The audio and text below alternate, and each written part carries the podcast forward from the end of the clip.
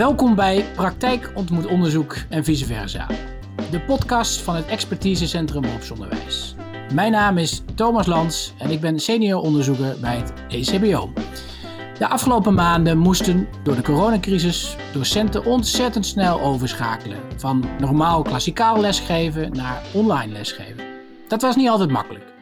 En in deze podcast praten we vanuit het perspectief van de docent over die overgang naar digitaal lesgeven. Hoe is dat gegaan? Wat werkt, wat niet?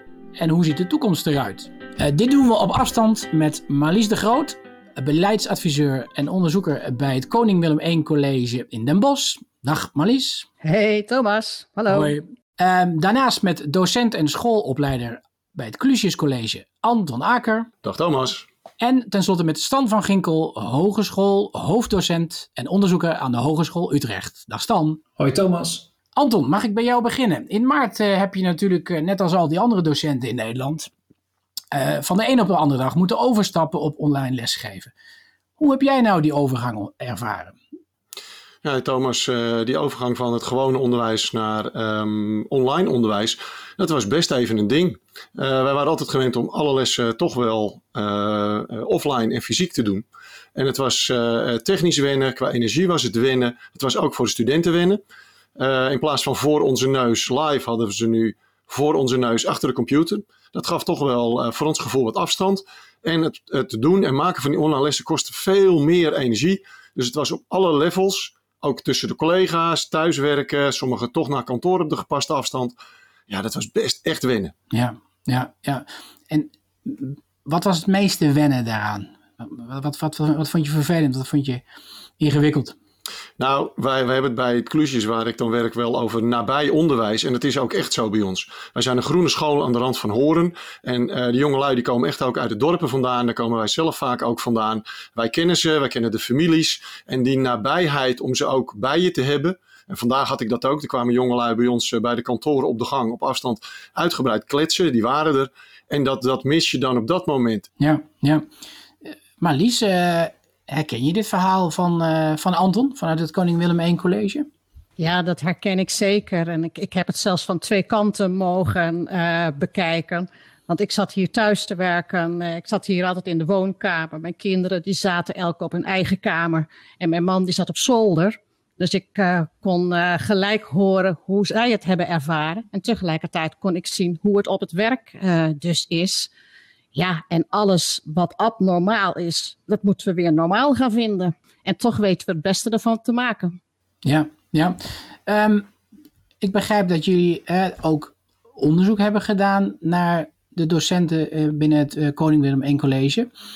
Um, kun je daar iets meer over vertellen? Ja, zeker weten. Het uh, Koning Willem I College is een uh, middelgroot uh, ROC. We hebben zo'n 13.000 studenten en zo'n 12, 1300 mensen personeel. En in maart waren we al vrij snel nieuwsgierig van hoe gaat dat nu eigenlijk met het les op afstand? En we hebben toen besloten om over de hele school heen, zowel onder studenten als docenten, een, een vragenlijst uit te zetten. En die hebben we in mei, juni hebben we die nog een keertje herhaald. Vlak voordat werd besloten dat de scholen weer beperkt open mochten. En uh, na de zomer, zeg maar zo rond de herfstvakantie, uh, hebben we het nog een keer gedaan. En het, het leuke is, we hebben daar een uh, aantal vragen in steeds herhaald. Dus we kunnen nu zien hoe het verloop van de tijd is geweest. Oké, en ehm, hoe is die verloop in, in die tijd geweest? Hè? Als je het hebt over het welbevinden van van de docenten. Hebben jullie daar specifiek naar gevraagd? Ja, wij hebben uh, één vraag, of tenminste meerdere vragen, maar één vraag die we zeker drie keer gesteld hebben is: voel jij je toegerust om les op afstand te geven? En de allereerste keer werd daar dus uh, best, best goed op gereageerd. En we vroegen ook van, nou, als je je niet goed toegerust voelt, waar heb je dan behoefte aan? Nou, dat kwam al, uh, ja, dat kun je bijna aanvoelen aan je water, dat dat ging over uh, het, uh, het digitale stuk. Hè? Dus hoe moet ik met Teams omgaan? En in, in de maanden mei, juni zakte dus die score op voel je je toegerust. Dus blijkbaar was die langere periode dat het online moest, dat je er toch achter kwam van ja, sommige vaardigheden zijn best lastig om te leren of om toe te passen. En uh, we hebben daar een vrij grootschalige training opgezet voor MS Teams. We hebben gezorgd dat medewerkers ook de juiste faciliteiten hebben. En dat zag je dus terug in de meting van het najaar. Dat de, op de vraag van voel je je toegerust, dat, dat er weer een groei uh, was waar te nemen. Ja, mooi. Um, Anton, uh, herken je dat? Is, is er bij jullie ook een soort van verandering in dat gevoel opgetreden hè, over de maanden heen? Ja, dat kan je best wel stellen. In het begin, uh, wij als docenten zijn natuurlijk gemiddeld best wel op de leeftijd dat we wat ICT-vaardig zijn. Dat ook in de studie. En we hebben ook bij ons heel veel zij-instromers. Die kwamen ook best wel met heel professionele vaardigheden op ICT-gebied uh, binnen. Uh, dat ging ook best wel goed in het begin. We gingen het strak plannen, regelen, de, de agenda van teams gebruiken, met elkaar ontdekken hoe je allerlei dingen erin deelt, hoe je opdrachten erin wegzet, klassen aangemaakt. Ja, weet je, we hebben ook een elektronische leeromgeving waar we in het team zelf handig mee zijn. Hè. Dat is bij ons wat lager in de organisatie gelegd. Dat ging best wel goed. Nou, toen kwamen er uh, aan het eind van het jaar altijd allerlei afrondende werkzaamheden om de hoek. we hebben ook beroepsexamens afgenomen. Uh, dat ging ook in met gesprekken via Teams, met bedrijven, met rondleidingen via video. Dus wij zijn echt niet bij de bedrijven geweest. En op zo'n moment dan denk je van jeetje, dan ontstaat er een ander gevoel bij je van oh, dit is wel heel belangrijk. Dit moet netjes, dit moet goed. En uh, in het begin dan ben je aan het lesgeven, dan ben je aan het pionieren, aan het ontdekken. dat voelt anders. voor en na de zomer hebben wij ook een serie trainingen gehad, online over online lesgeven waarin allerlei didactische werkvormen en allerlei zaken ook behandeld werden. Uh, maar wij hebben eigenlijk gewoon ontdekt dat uh, rondom de vakken die wij geven. Ik ben zelf van een bedrijfskundige opleiding en we geven ook economielessen, bedrijfskundige dingen, aan andere studierichtingen bij ons in het groen. En ehm, wij hebben wel ontdekt dat uh, zeg maar een stukje instructie, kennisoverdracht, dat het wel fijn gaat. De, de podcast of een, uh, soort uh, ja, kennisclip of iets dergelijks. opdrachten doen en samen. Maar de echte groepsdingen met breakout rooms, die, die werken nog wel eens ingewikkelder. Soms werkt de techniek tegen, de verbindingen. En na de zomer kwamen we fris terug. En toen hadden we ook nieuwe eerste klassen. En ja, dat is gewoon een heel nieuw spel. Ja, ja, ja, ja, ja. ja. Zeg Stan, uh, jij hebt ook onderzoek gedaan, hè? eigenlijk aan het begin ook van de, van de, van de pandemie. Hè? Naar de verwachtingen en de ervaringen met online lesgeven. Um, is dat beeld uh, wat uh, Anton en Marlies schetsen, is dat herkenbaar vanuit jouw onderzoek? Ja, dat beeld is heel herkenbaar wat Anton en Marlies schetsen. Het is een onderzoek onder leiding van collega Irene van der Spoel, ook van de Hogeschool Utrecht. En uh, daarin is inderdaad gekeken naar docentpercepties en verwachtingen ten aanzien van het werken met die digitale didactiek. En daar komt wel uit de voren ook dat uh, zeker ook wat Anton ook al schetst, als het gaat om instructie of ook wel feedback, dan zien ze daar ook zeker mogelijkheden mee om met die digitale didactiek te werken. Maar er zijn ook onderdelen die best complexer zijn, lastig zijn, bijvoorbeeld als het gaat om interactie eigenlijk faciliteren. Ja. En uh, ja, dat is een van de belangrijke punten die naar voren komt. Als we het een stapje verder uh, brengen, die rol van de docent uh, in het uh, online lesgeven. we hebben het dan vaak over e-bekwaamheid. Wat is dat nou eigenlijk? Wat valt daar dan onder? wat is nou eigenlijk een definitie daarvan? Marlies, hoe hebben jullie dat nou bekeken? Wat, wat is dan die e-bekwaamheid volgens jullie? Je kan die e-bekwaamheid, die kun je natuurlijk bekijken vanuit de, de kennisoverdrachtkant. Hè, lukt het je om instructie te geven? Lukt het je om feedback te geven? Lukt het je om de vorderingen bij te houden? Lukt het je om studenten te activeren? Maar dat is één, één deel van het onderwijs. Je hebt dus ook nog die sociale functie uh, van het onderwijs. En ook daar uh, is aandacht voor nodig in die uh, e-bekwaamheid. En ja, daar zit dus een stuk interactie bij. Hè? Stan die zei dat dus net ook al. Eh, die interactie, dat is die lastigste component. En, en dat heb ik zelf eigenlijk ook ervaren. Ik, ik werd uh, enorm geïnspireerd door een uh, dame, Laura Lagai. Die had interactieve powerpoints gemaakt. En op die manier kon je in Teams iedereen tegelijkertijd in dezelfde sheet laten werken. Echt enorm voor mij een eye-opener. En ik heb dat ook gemaakt, zelfs met de layout van ons eh, college. En dan ga je dat inzetten. En op dat moment werkt het dus niet. Ja, dan heb je je werk voorbereid en je baalt als een stekker en je gaat weer verder. Maar dat is wel de realiteit. Hè? Dus je, je hebt de middelen in handen en soms valt dat tegen. En je bent dus met een andere aanpak je bezig. Hè? De opbouw van een les, die is wel gelijk. Maar juist je voorbereiding die je aan het doen bent voor die andere aanpak, die kost zo gigantisch veel tijd. Is dat ook wat, iets wat jullie terugzien in, uh, in jullie onderzoek? Hebben jullie daar ook vragen over gesteld? Ja, absoluut. We hebben een vraag gesteld van uh, hoeveel tijd besteed je aan je werk? Besteed je meer tijd dan normaal aan je werk? En daar hebben we bij onze tweede meting in mei, juni, daar kregen we een bepaald percentage kregen we eruit. Er was inderdaad een flink aantal mensen die zeiden van ja, wij zijn meer aan het werk dan normaal. En dat aantal dat is alleen maar toegenomen in de laatste meting. Dus uh, het gevoel van het kost meer tijd, dat is ook zo. En je kunt ook niet de, de fysieke les één op één overzetten in een online les. Dat kan gewoon niet. Dus dat dat tijd kost, dat klopt. Ja, ja interactie, tijd, ontwerpen hoor ik daar ook uh, in, in terugklinken.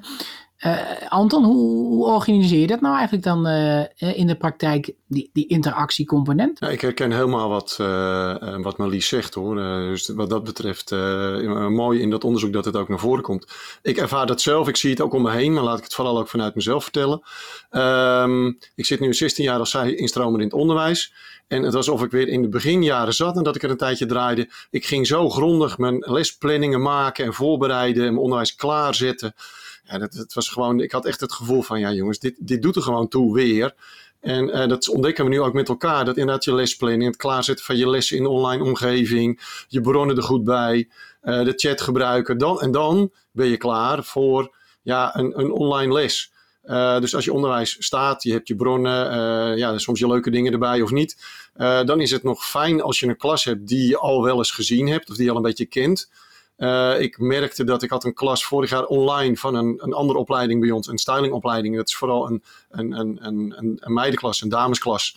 Uh, toen tweede jaar, nu derde, die had ik toen al online. Ik had ze nog nooit echt gezien eigenlijk. Ja, wel zien lopen, maar nooit lesgegeven. Dat ging best goed. Nu heb ik ze voor de tweede keer ook online.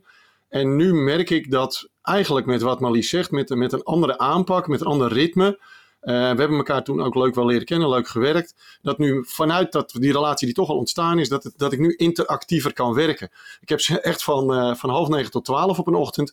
En dat gaat in steeds kleinere stukjes. Dus ik hou het eenvoudig. Inderdaad een stukje instructie. Dan gaan ze weer wat doen. We komen terug. Ik las ook regelmatig een pauzetje in. Het, ja, het is een beetje zo als het ritme in een zenklooster. Van, van 20, 25 minuten zitten, wat te doen. En vooral daar dan niks doen. Uh, aan het werk. soms met elkaar die, die ritmiek en die relatie, die, die vind ik heel belangrijk. Um, maar dat kost mij dus best wel voorbereiding. Terwijl ik wel ervaren ben en mijn spullen heb. Maar ik moet er wel goed over nadenken en ook goed reflecteren van, oh dat lukte niet, hoe doe ik dat volgende keer? En bepaalde onderdelen die, die je in de klas uh, dan doet, uh, zeg maar je uh, eventueel een whiteboard, een, een, een, filmpje of een dingetje, dat moet je nu goed timen, de instellingen moeten kloppen. Want je bent ze ook best wel snel kwijt als het niet goed gaat. Dat hadden wij zelf in die cursus ook. Er ging in het begin ook wel eens wat mis. Um, dus ergens vanuit de beleving steekt het nauwer online. Um, en ik ben me ook te degen van bewust dat ik te gast ben in de huiskamer vaak. Wat Marlies vertelde, uh, um, wij zijn visueel te gast. Ik heb ook wel eens, ik geef allerlei vakken rondom ondernemerschap en zo. Dan heb ik ineens van, uh, ja, mijn moeder had ook meegeluisterd. Want uh, je vertelde dat en dat. Dus het is, het is echt, echt anders. Ja. Maar wel leuk. Ja, mooi. Stan, herken je dat ook vanuit uh, jouw lerarenopleidingsachtergrond? Uh, uh, ja, zeker. natuurlijk hebben een heleboel docenten al een enorme ontwikkeling doorgemaakt hè, in die COVID-periode als het gaat om digitale didactiek. Ook al gedwongen door de situatie. En tegelijkertijd is er ook een behoorlijke behoefte aan professionalisering daarop. Dat zie je ook al uit de onderzoeken terugkomen. Maar ook als je kijkt naar geluiden uh, op de werkvloer. En daarbij zie je ook naar voren komen dat, uh, dat, dat ze dat vaak gepersonaliseerd wilden hebben. ook flexibel, just in time, dat je dat kunt inzetten. Dus eigenlijk minder dat je met hele grote groepen wacht totdat je die professionalisering kunt krijgen. Maar eigenlijk dat je dat uh, ja, just in time kunt aanbieden, als het ware. Ja. En tegelijkertijd is er ook meer onderzoek nodig naar wat zijn er belangrijke onderwijskundige ontwerpprincipes van dat soort trajecten ook, om dat op een effectieve manier en op maat te kunnen aanbieden. Ja, ja just in time. Hoe, hoe organiseer je dat, zoiets just in time? Maar Marlies, hoe, hoe, hoe, pakken jullie dat op binnen het uh, Koning Willem I College? Wat doe je dan? Nou, we, we zijn heel uh, fanatiek aan de slag gegaan om informatie te verspreiden, informatie te delen. Want je, je krijgt gewoon heel veel informatie. Uh, dat is er te vinden. In het begin was LinkedIn, dat was mijn uh, favoriete vriend elke dag. Want ik ging gewoon eens kijken, wat gebeurt daar nu? Ja. Ik heb daar dus echt heel veel informatie vandaan gehaald. En ook collega's van mij. En dat wilden we op een centrale plek zetten. Van mensen, kijk daar, daar staat zo'n mooie bron. En dan krijg je dus later te horen, hè, dat kwam ook uit die onderzoeken van, ja, we weten dat die bron er is, maar we hebben gewoon geen tijd om ernaar te kijken. En dat klopt dus ook, van er, er gebeurt zo gigantisch veel, dat dat dan te veel is. Ja. Uh, wij hebben een, uh, een tijdje geleden, hebben we al onze collega's de app Didactiek in je pocket of Pocket Didactiek uh, cadeau gedaan. Je kan het zowel op je laptop als op je telefoon bekijken. Echt, er staat zo gigantisch veel informatie in. Er staan zoveel mooie tips in hoe je online didactiek formatief handelen. Het is een heel rijk instrument. Ja. Maar ook daar merk je dus, je verspreidt informatie. Wat je dus moet doen, is tijd ervoor vinden. Eigenlijk moet je er even een klein evenement omheen bouwen van Download hem nou maar eens. Kijk er nou maar eens naar. Zie je hier mooie dingen gebeuren? Ja. En dat is wat we dus nu doen. Van je moet dus een contactmoment creëren. Het even over die app hebben. En vervolgens wordt die gedownload en zijn mensen dol enthousiast. En dat is wat we ook gemerkt hebben. Hoe vol mensen ook zitten in hun agenda en in hun rooster. Het creëren van contactmomenten. Hè, of dat nou een livestream is. Of een ander iets. Hè, dat kan ook een, een college tour via MS Teams.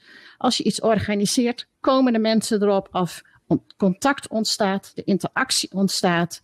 En het mooie is, je kunt dus de mooie voorbeelden met elkaar delen. En daar hebben mensen ook behoefte aan. Want niet iedereen gaat snel, niet iedereen gaat even hard in zichzelf ontwikkelen om vaardig te worden in deze e-bekwaamheid. En je moet iedereen wel meenemen in het proces. Ja, ja contactmomenten. Uh, Anton, uh, hoe, doen jullie dat op, uh, op jullie school? Nou, uh, wij zijn een, een, een relatief klein MBO van 25, 30 collega's. Dat, dat klinkt heel knus en dat is het ook. En uh, wij hebben echt geschakeld over van oké, okay, thuiswerk is de norm. Dat is het ook, dat is het ook zeer zeker. Uh, maar we hebben drie gebouwen op een landgoed uh, echt aan de, aan de rand van Horen waar wij heel fijn en veilig toch uh, op, op uh, rustige werkplekken wel kunnen zitten. Dus bij mij was het, uh, ik woon vlakbij, thuiswerken iets verder dan mijn eigen achtertuin in, in het gebouw. Dus wij, wij, zien elkaar wel online en ook toch offline, echt in, in goede veilige omstandigheden. We hebben ook hybride onderwijs, zeg maar. nu dan, het laatste periode, de nieuwe periode van de eerste periode van het nieuwe jaar weer. En wij, wij, maken daar echt ruimte voor, voor die momenten. Um, we hebben ook echt daar aandacht aan besteed. Uh, maar ook de ICT-vaardigheden. Wij hebben in ieder team wel mensen die echt gespecialiseerd zijn in uh, elektronische leeromgeving. Er zijn iCoaches. Um, ja, een paar dingen daarbinnen. Uh, voor, van de week was er nog een oud collega die kwam terug. Die heeft 42 jaar bij ons gewerkt. En die heeft een contract met ons om een aantal keer per jaar soep te maken. En er, er was een uiensoepochtend. waar iedereen ja, gewoon rondom de pauze die in het gebouw was. Lekker aan de uiensoep ging. Er wordt weer van alles uitgewisseld. En wij hebben uh, ja, een soort chronische staat van werkoverleg. Waarbij we af en toe met elkaar wat lekkers halen. We hebben het wel eens over de, het roze koekenoverleg. En ja, en dat is niet een, een formeel instituut, zo'n ding. Maar dat is in zo'n uh, familieomgeving als waarin we zitten wel een heel belangrijk instrument. Benen op tafel, kletsen, wat beweegt je. Zijn we allemaal moe? Ja, we zijn allemaal wel moe. Gaat het nog oké? We vinden de jongelui nog hartstikke leuk. We hebben het over de mondkapjes. En uh, jeetje, die computer is af en toe lastig. Maar we zijn brothers in arms, we redden het allemaal wel. Dus dat, dat is, is echt uh, bij Marlies wat geformaliseerder, maar bij ons in de kleinere club. We doen, allemaal, we doen het precies hetzelfde, maar dan wat informeel. Hey, maar wij hadden vorige week of een tijdje geleden een pizzasessie. In die Kijk, dat bedoel ik.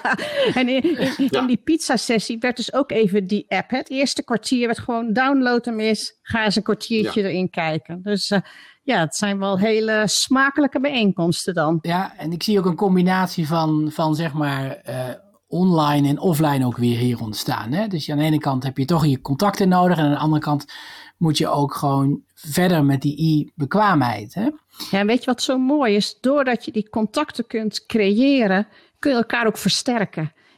je kunt met elkaar overleggen van, goh, wat loop jij nou tegenaan? Of welke mooie oplossing heb jij gevonden? Je kunt gewoon van elkaar leren. En de verschillen die er zijn, die moet je gewoon benutten. Ja, daar ben ik het helemaal mee eens. Dat is letterlijk uh, hoe wij ook al merken dat we al jaren werken. Ik wou gaan zeggen hoe we dat proberen. Nee, dat proberen we niet, dat doen we. Dat is een kwestie van als, uh, als team, ook als groot team, uh, helemaal samenwerken, elkaar ook heel goed kennen, weten te vinden. En daarin iedereen ook lekker zijn rol geven en gunnen. En uh, voor elkaar openstaan en van elkaar daarin leren. Dat is, dat is echt, dat merk je nu dat dat, dat, dat samen onder de docenten gewoon ook heel sterk is. We zitten dus duidelijk nu in een, in een periode van, van transitie. misschien naar een nieuwe situatie. Um, Stan, uh, straks is er een vaccin en uh, ik begrijp dat dat best uh, snel zou kunnen gaan. Wat denk jij? Gaan we weer terug naar de orde van de dag of zit er misschien wel wat meer in het vat? Nou, ik kan me goed voorstellen dat er nog meer in het vat zit eigenlijk.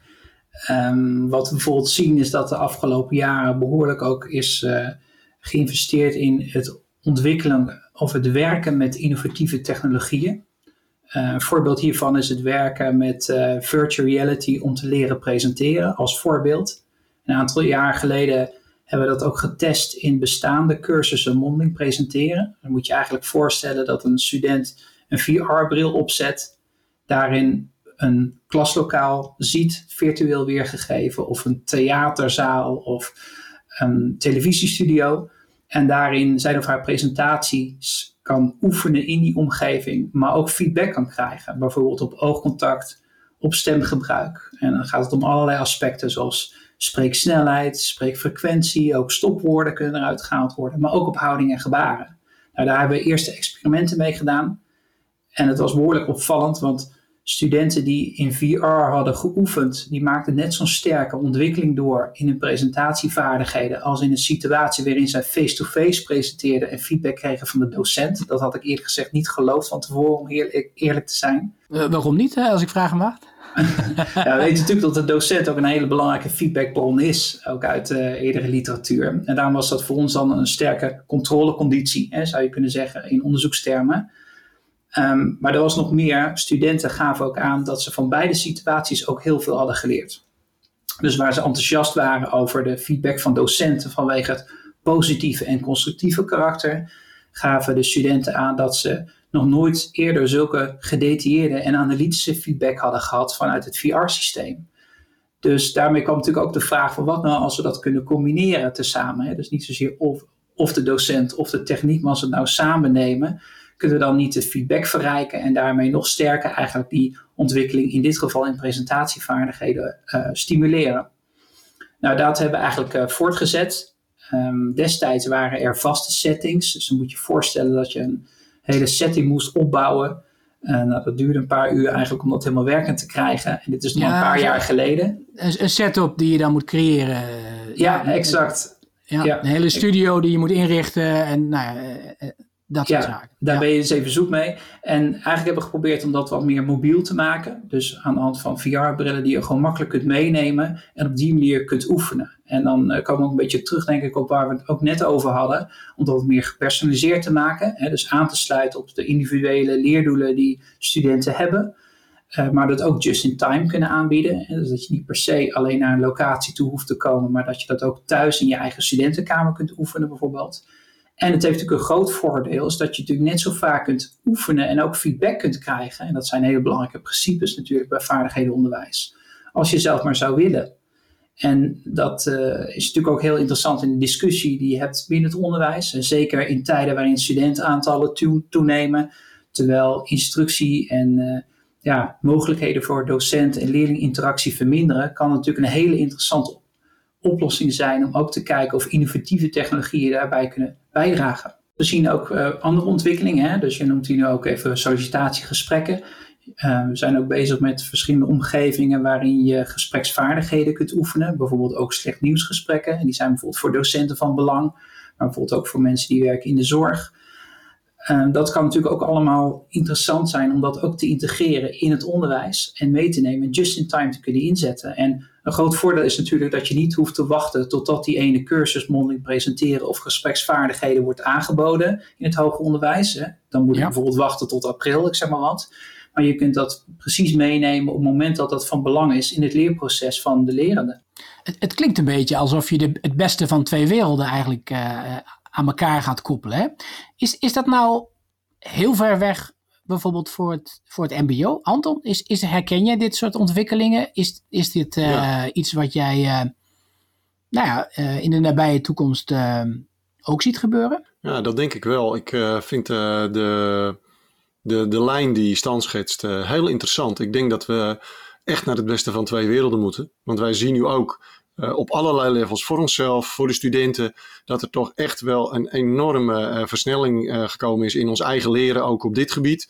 en hoe je die tools allemaal kan inzetten.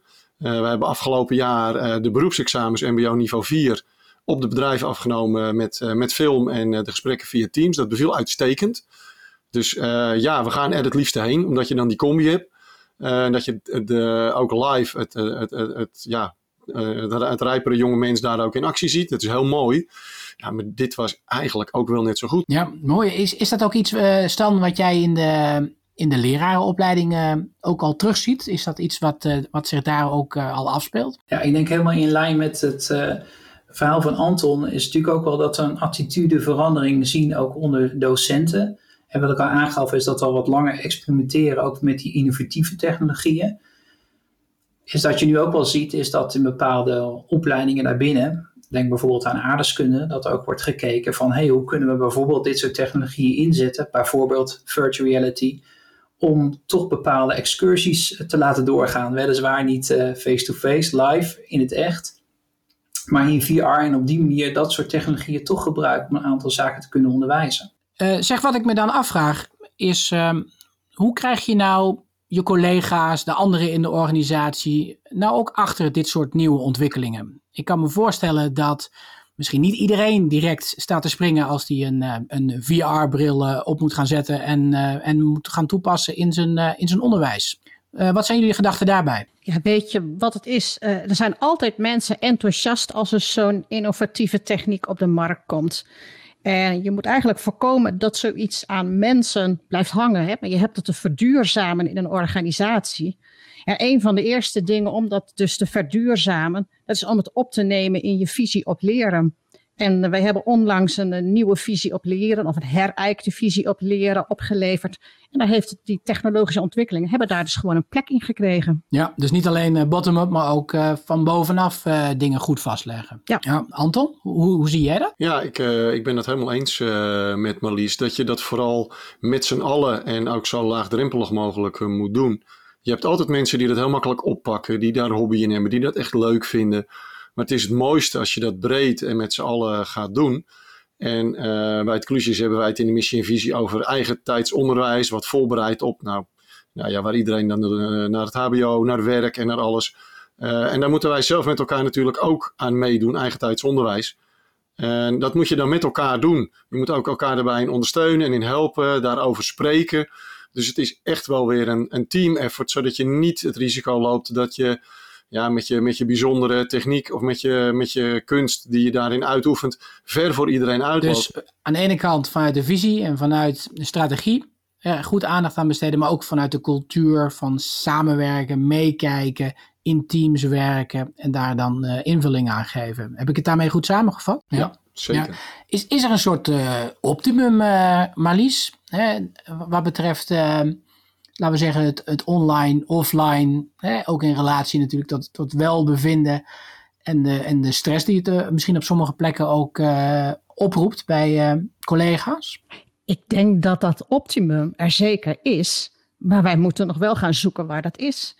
Want we zitten, we zijn met zo'n blend zijn we bezig en we zijn op zoek naar de juiste blend. Maar ja, die blend die we nu hebben, die is wel opgelegd door beperkende maatregelen. En elke doelgroep heeft een andere blend nodig. En niveau 2 zal anders naar die verhouding fysiek online gaan kijken dan een niveau 4, vermoed ik. En op Klopt. dit moment is het, waar heb je invloed op? En mag je daar de balans in gaan zoeken. Ja. Nou, daar wil ik graag wel bij aanhaken hoor, Thomas. Als dat Ja, mag. natuurlijk. Marlies zegt daar eh, iets ontzettend waars. Eh, voor iedere verschillende opleiding die wij hebben, van, van technische mannen tot, tot loonwerkers en allerlei zaken. Nee, ik vertelde net over die niveau 4 en die andere laatstejaarsjongens. Marlies heeft helemaal een punt hoor. Wij moeten echt op zoek, en dat doen mijn collega's ook fantastisch, naar wat kun je virtueel en wat kan vooral niet virtueel. Daar moet ik heel realistisch in zijn. En eh, mijn buitengewoon nuchtere, praktische leerlingen, echt, echt uit de klei, die vinden over het algemeen online maar een slapsurrogaat van, eh, van echt les. Ze hebben liever echt les, zoals ze dat noemen. En ehm, ja, wij, wij horen ze daar toch wel over. En, en wat, wat hoor je dan? Wat zeggen ze dan? Ehm, nou, dat, dat thuis achter die computer is ook maar zo saai. En eh, ja, we zitten liever bij u in de klas. We missen u. Eh, nou, jus zeggen ze nu altijd voor, voornaam hoor. Anton, we missen je. En mijn collega's hetzelfde. Je merkt het aan alle kanten.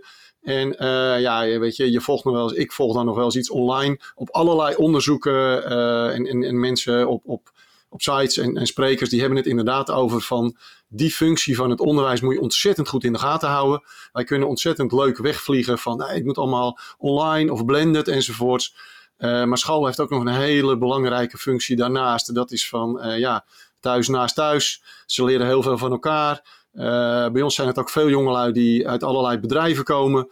En uh, ja, dat heeft ook een hele belangrijke functie. Ze groeien samen op.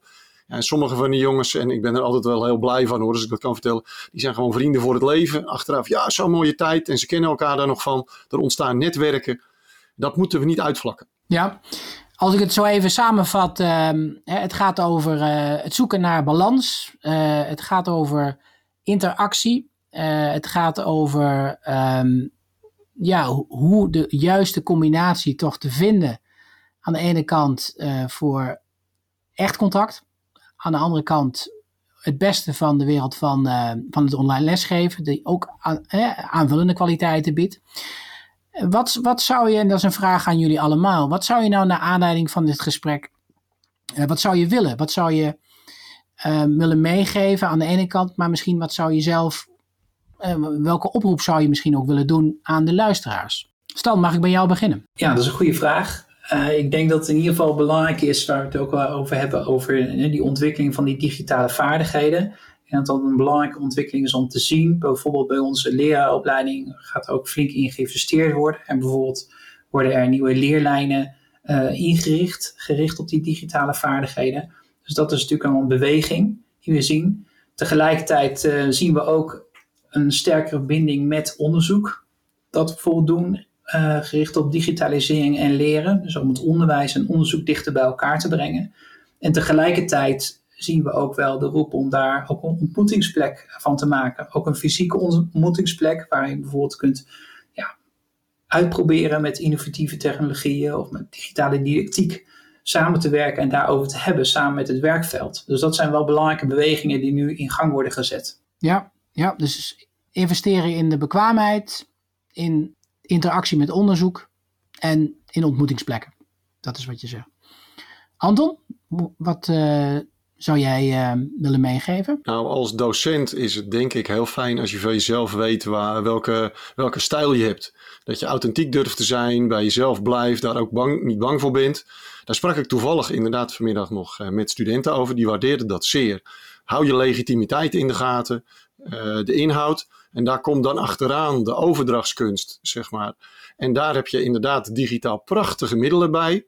Uh, ze zien je, als het goed is, ook graag fysiek. Ik denk in het beroepsonderwijs ook die verbinding met het bedrijfsleven daarmee uh, is heel belangrijk in de gaten te houden.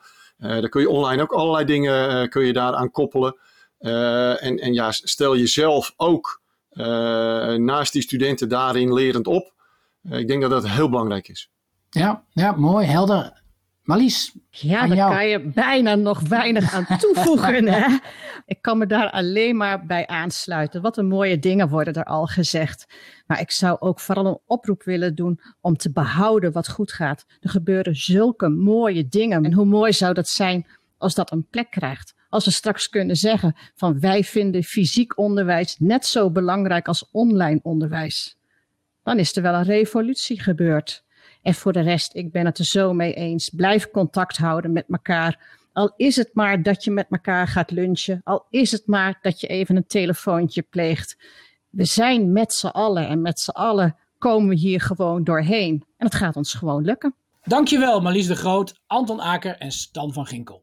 Dit was de tweede aflevering van Praktijk, Ontmoet, Onderzoek en vice versa. De podcast is onderdeel van het kennisverspreidingsprogramma dat ECBO uitvoert met subsidie van het NRO. Laat het ons weten via info.ecbo.nl als je feedback hebt, vragen of als je zelf een onderwerp hebt. Abonneer je via jouw podcast-app zodat je geen enkele aflevering mist. Bedankt voor het luisteren en heel veel succes met het online onderwijs.